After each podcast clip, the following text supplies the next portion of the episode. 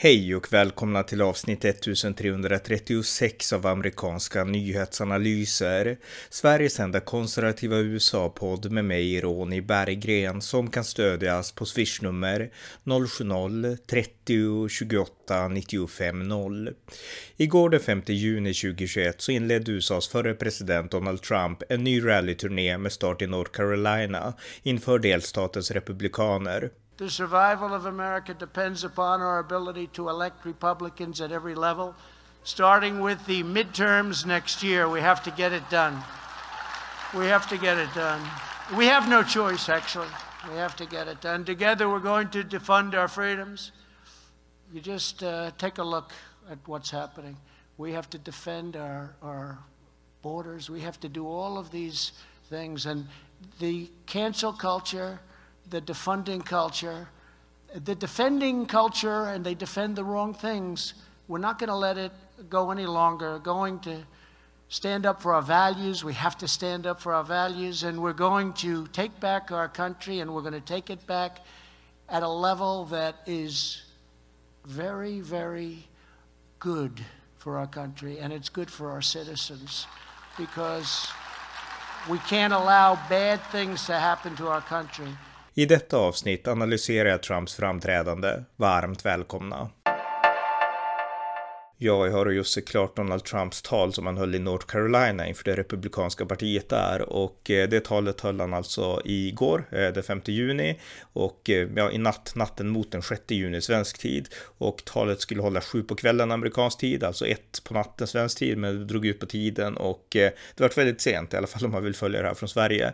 Men hur som helst, Donald Trump kom till slut. Och inför det här talet då så hade det hänt en del saker som, ja, som ändå gjorde att Trump ändå hamnade i ramp rampljuset, även om man inte hade hållit ett tal. En sak var att Facebook pålyste att de kommer att fortsätta hålla Donald Trump avstängd från Facebook i ytterligare två år och det är oerhört lång tid tycker jag och det är, ja, det är inte bra Facebook gör så helt enkelt, men det var deras beslut i alla fall, så det var en av de här snackisarna inför eh, det här mötet nu som Donald Trump höll.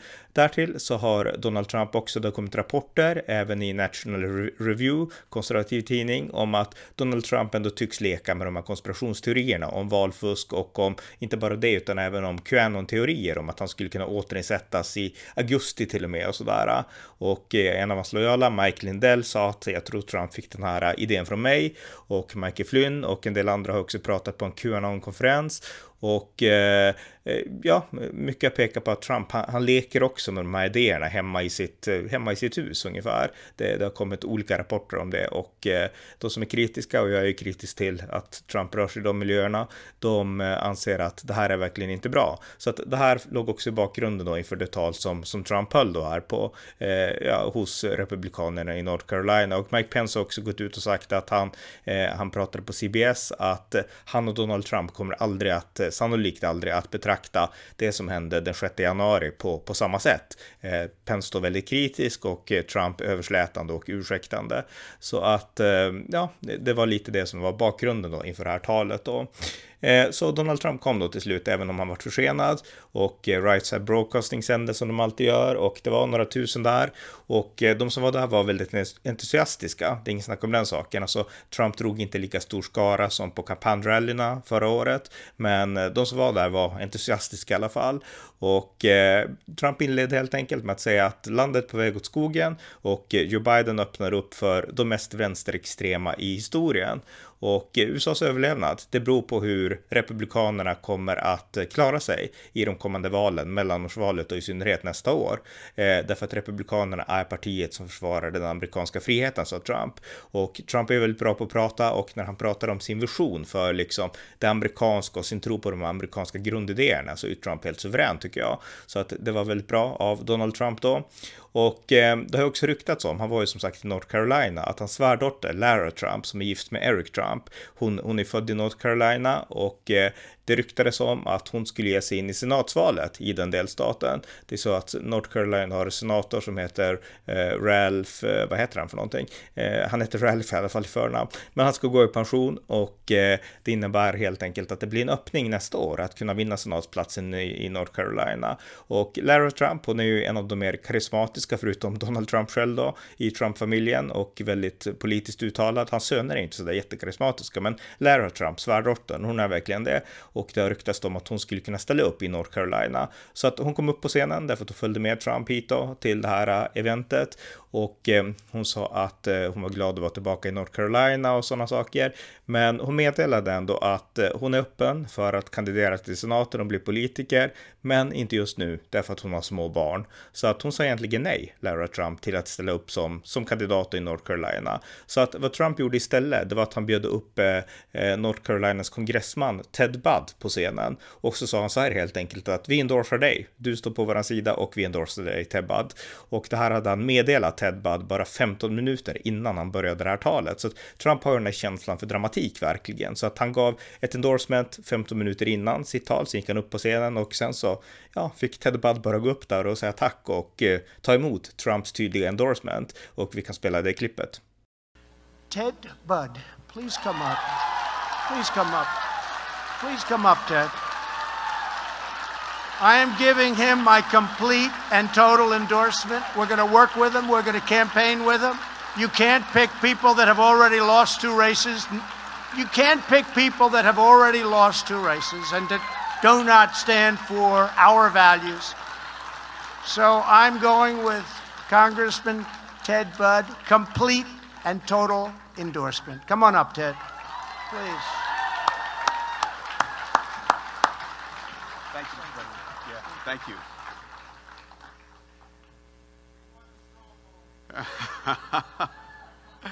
wow, Mr. President, thank you so much. You know, and, and go back to 2016. I was in a 17 way race and won, this, won that primary and got here. I was a business guy that never run for office. I think maybe you had an 18 way primary, right? And you, 18 way. We came in and we fought for the forgotten men and women of America. And Laura, I think you're out there. Your father in law and you, you fought for me in 2018. The Dems outspent me two to one in the worst Republican district. And with your help, Mr. President, and Laura, you coming in to help, we won. In 2020, Laura, we fought together. We fought to help Tom Tillis win. We fought to keep the North Carolina legislature. We fought for North Carolina judges. You're a heck of a teammate and you'd be a heck of a senator. Mr. President, Laura, this means the world to me. Thank you. We got a lot of hard work ahead. So let's win this together and let's get back to making America great again. Så det var alltså Trumps endorsement av eh, kongressman Ted Budd till senaten, till senatsvalet nästa år. Och det var en av de stora nyheterna från, eh, ja, från det här rallyt eller från den här, det här talet som Trump höll då. Så att eh, det var en av sakerna. Sen fortsätter Trump prata då om politik och han påminde om sin egen administration, i synnerhet eh, kampen mot corona och eh, att hans administration hade utvecklat det här vaccinet, de här vaccinerna på rekordtid tack vare den politik som han förde.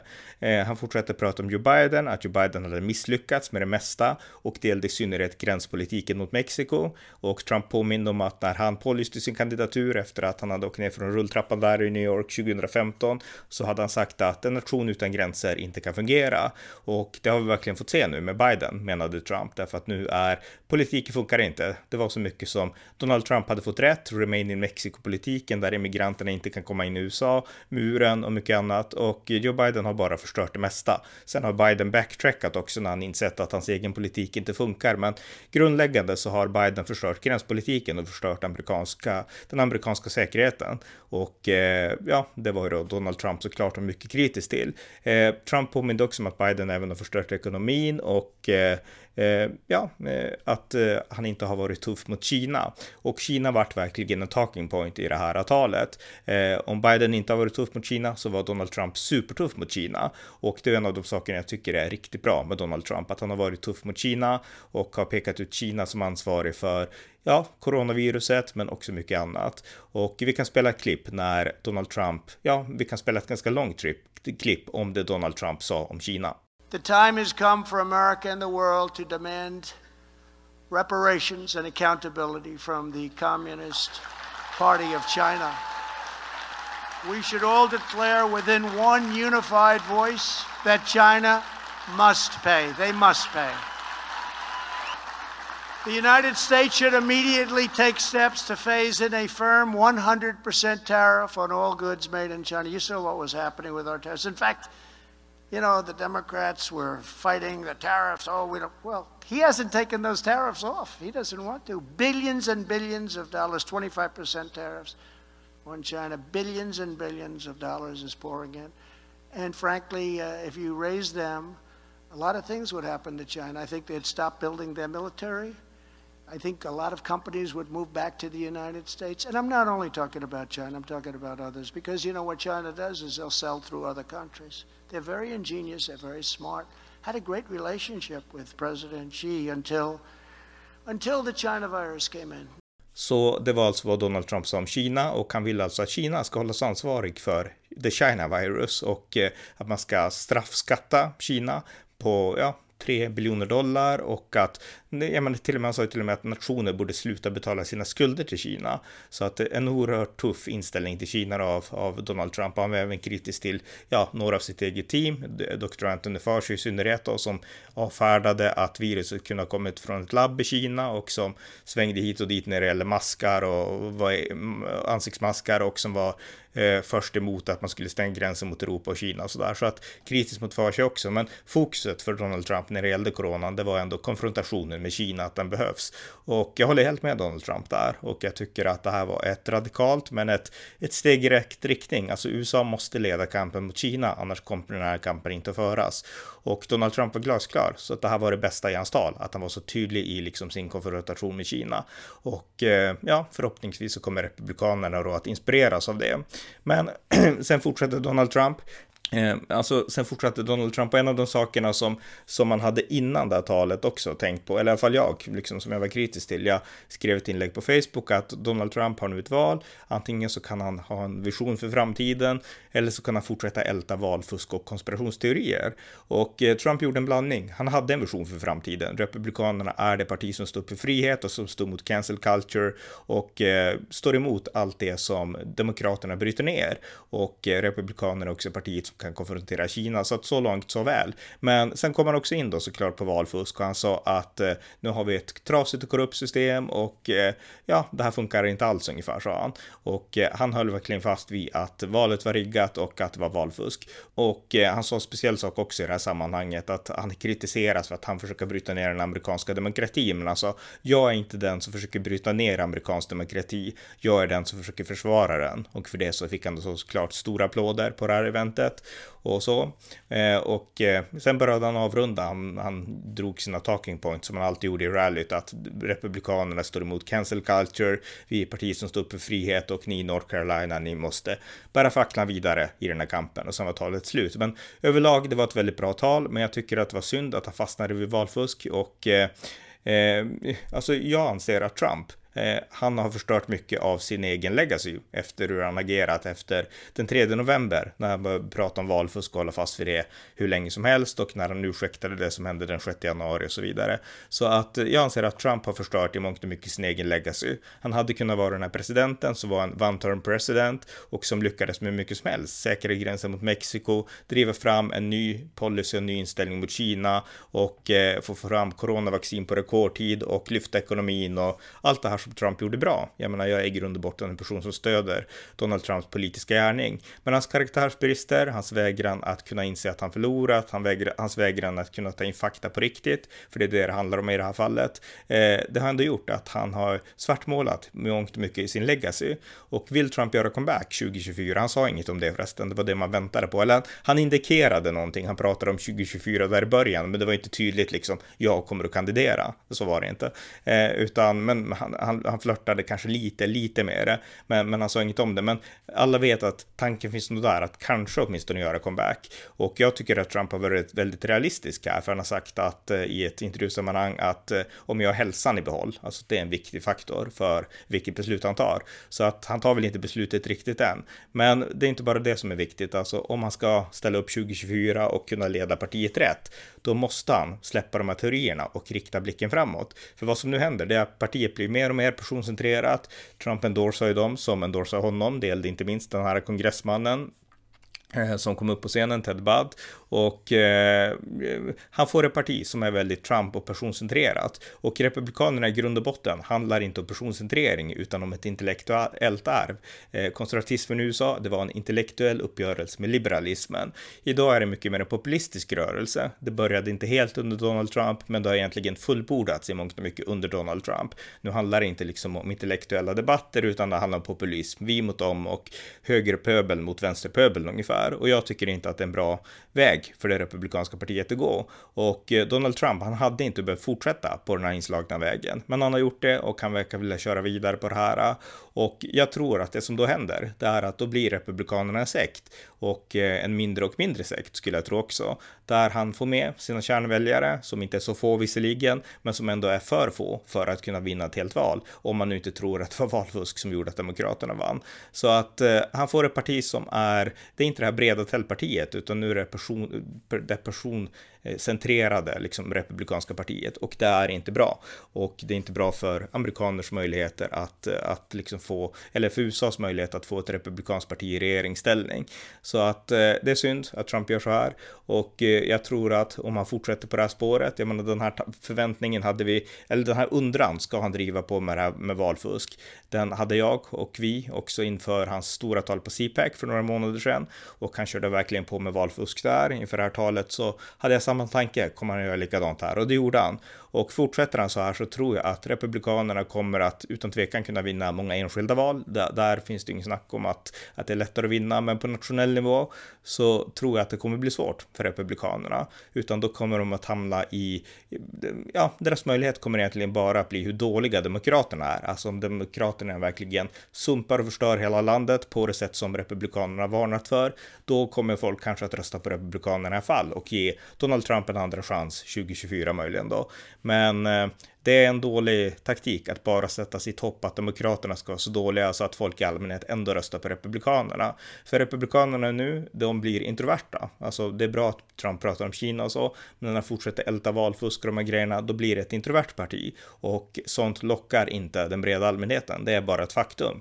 Och eh, Trump, han avskärmar sig från det liksom mainstream Amerika och det är inte så man vinner val, utan det är så man skapar en sekt. Och Donald Trump är tyvärr där, även om man säger bra saker om Kina och om mycket annat. Så att jag hoppas på något sätt att partiet ska kunna lyfta sig. Eh, men jag tycker ändå att Donald Trump står i vägen för det. Så att om Donald Trump på något sätt vill fortsätta spela en progressiv roll i det republikanska partiet och värna de här idéerna som man ändå har lyft fram på ett väldigt bra sätt, gränssäkerhet, tuff politik mot Kina och så vidare. Och även det här business mind-tänkandet, för det har verkligen gjort att han har särskilt sig från många andra politiker, Donald Trump, att han har varit snabb på att fatta beslut och att han har kunnat, ja men coronakrisen är jättebra, instinktivt fatta rätt beslut, stäng gränsen mot Kina, utvecklat vaccin snabbt och så vidare. Det är helt och hållet Donald Trumps förtjänst det. Så att hans business minds tänkande är också väldigt bra. Men tyvärr så har mycket av det på något sätt, eh, ja, det har befläckats av hans syn på valet och syn på mycket annat och syn på att liksom eh, ja, falla ner lite grann i det här konspirationsträsket. Så att jag tycker att det är synd.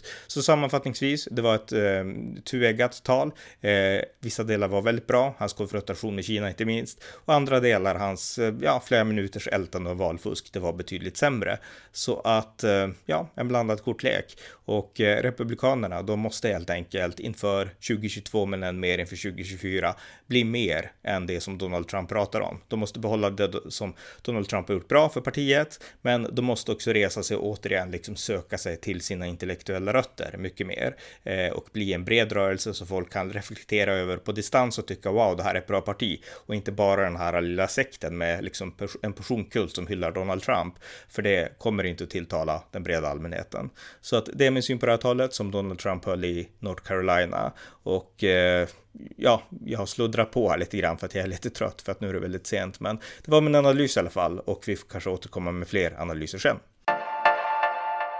Det var avsnitt 1336 av amerikanska nyhetsanalyser.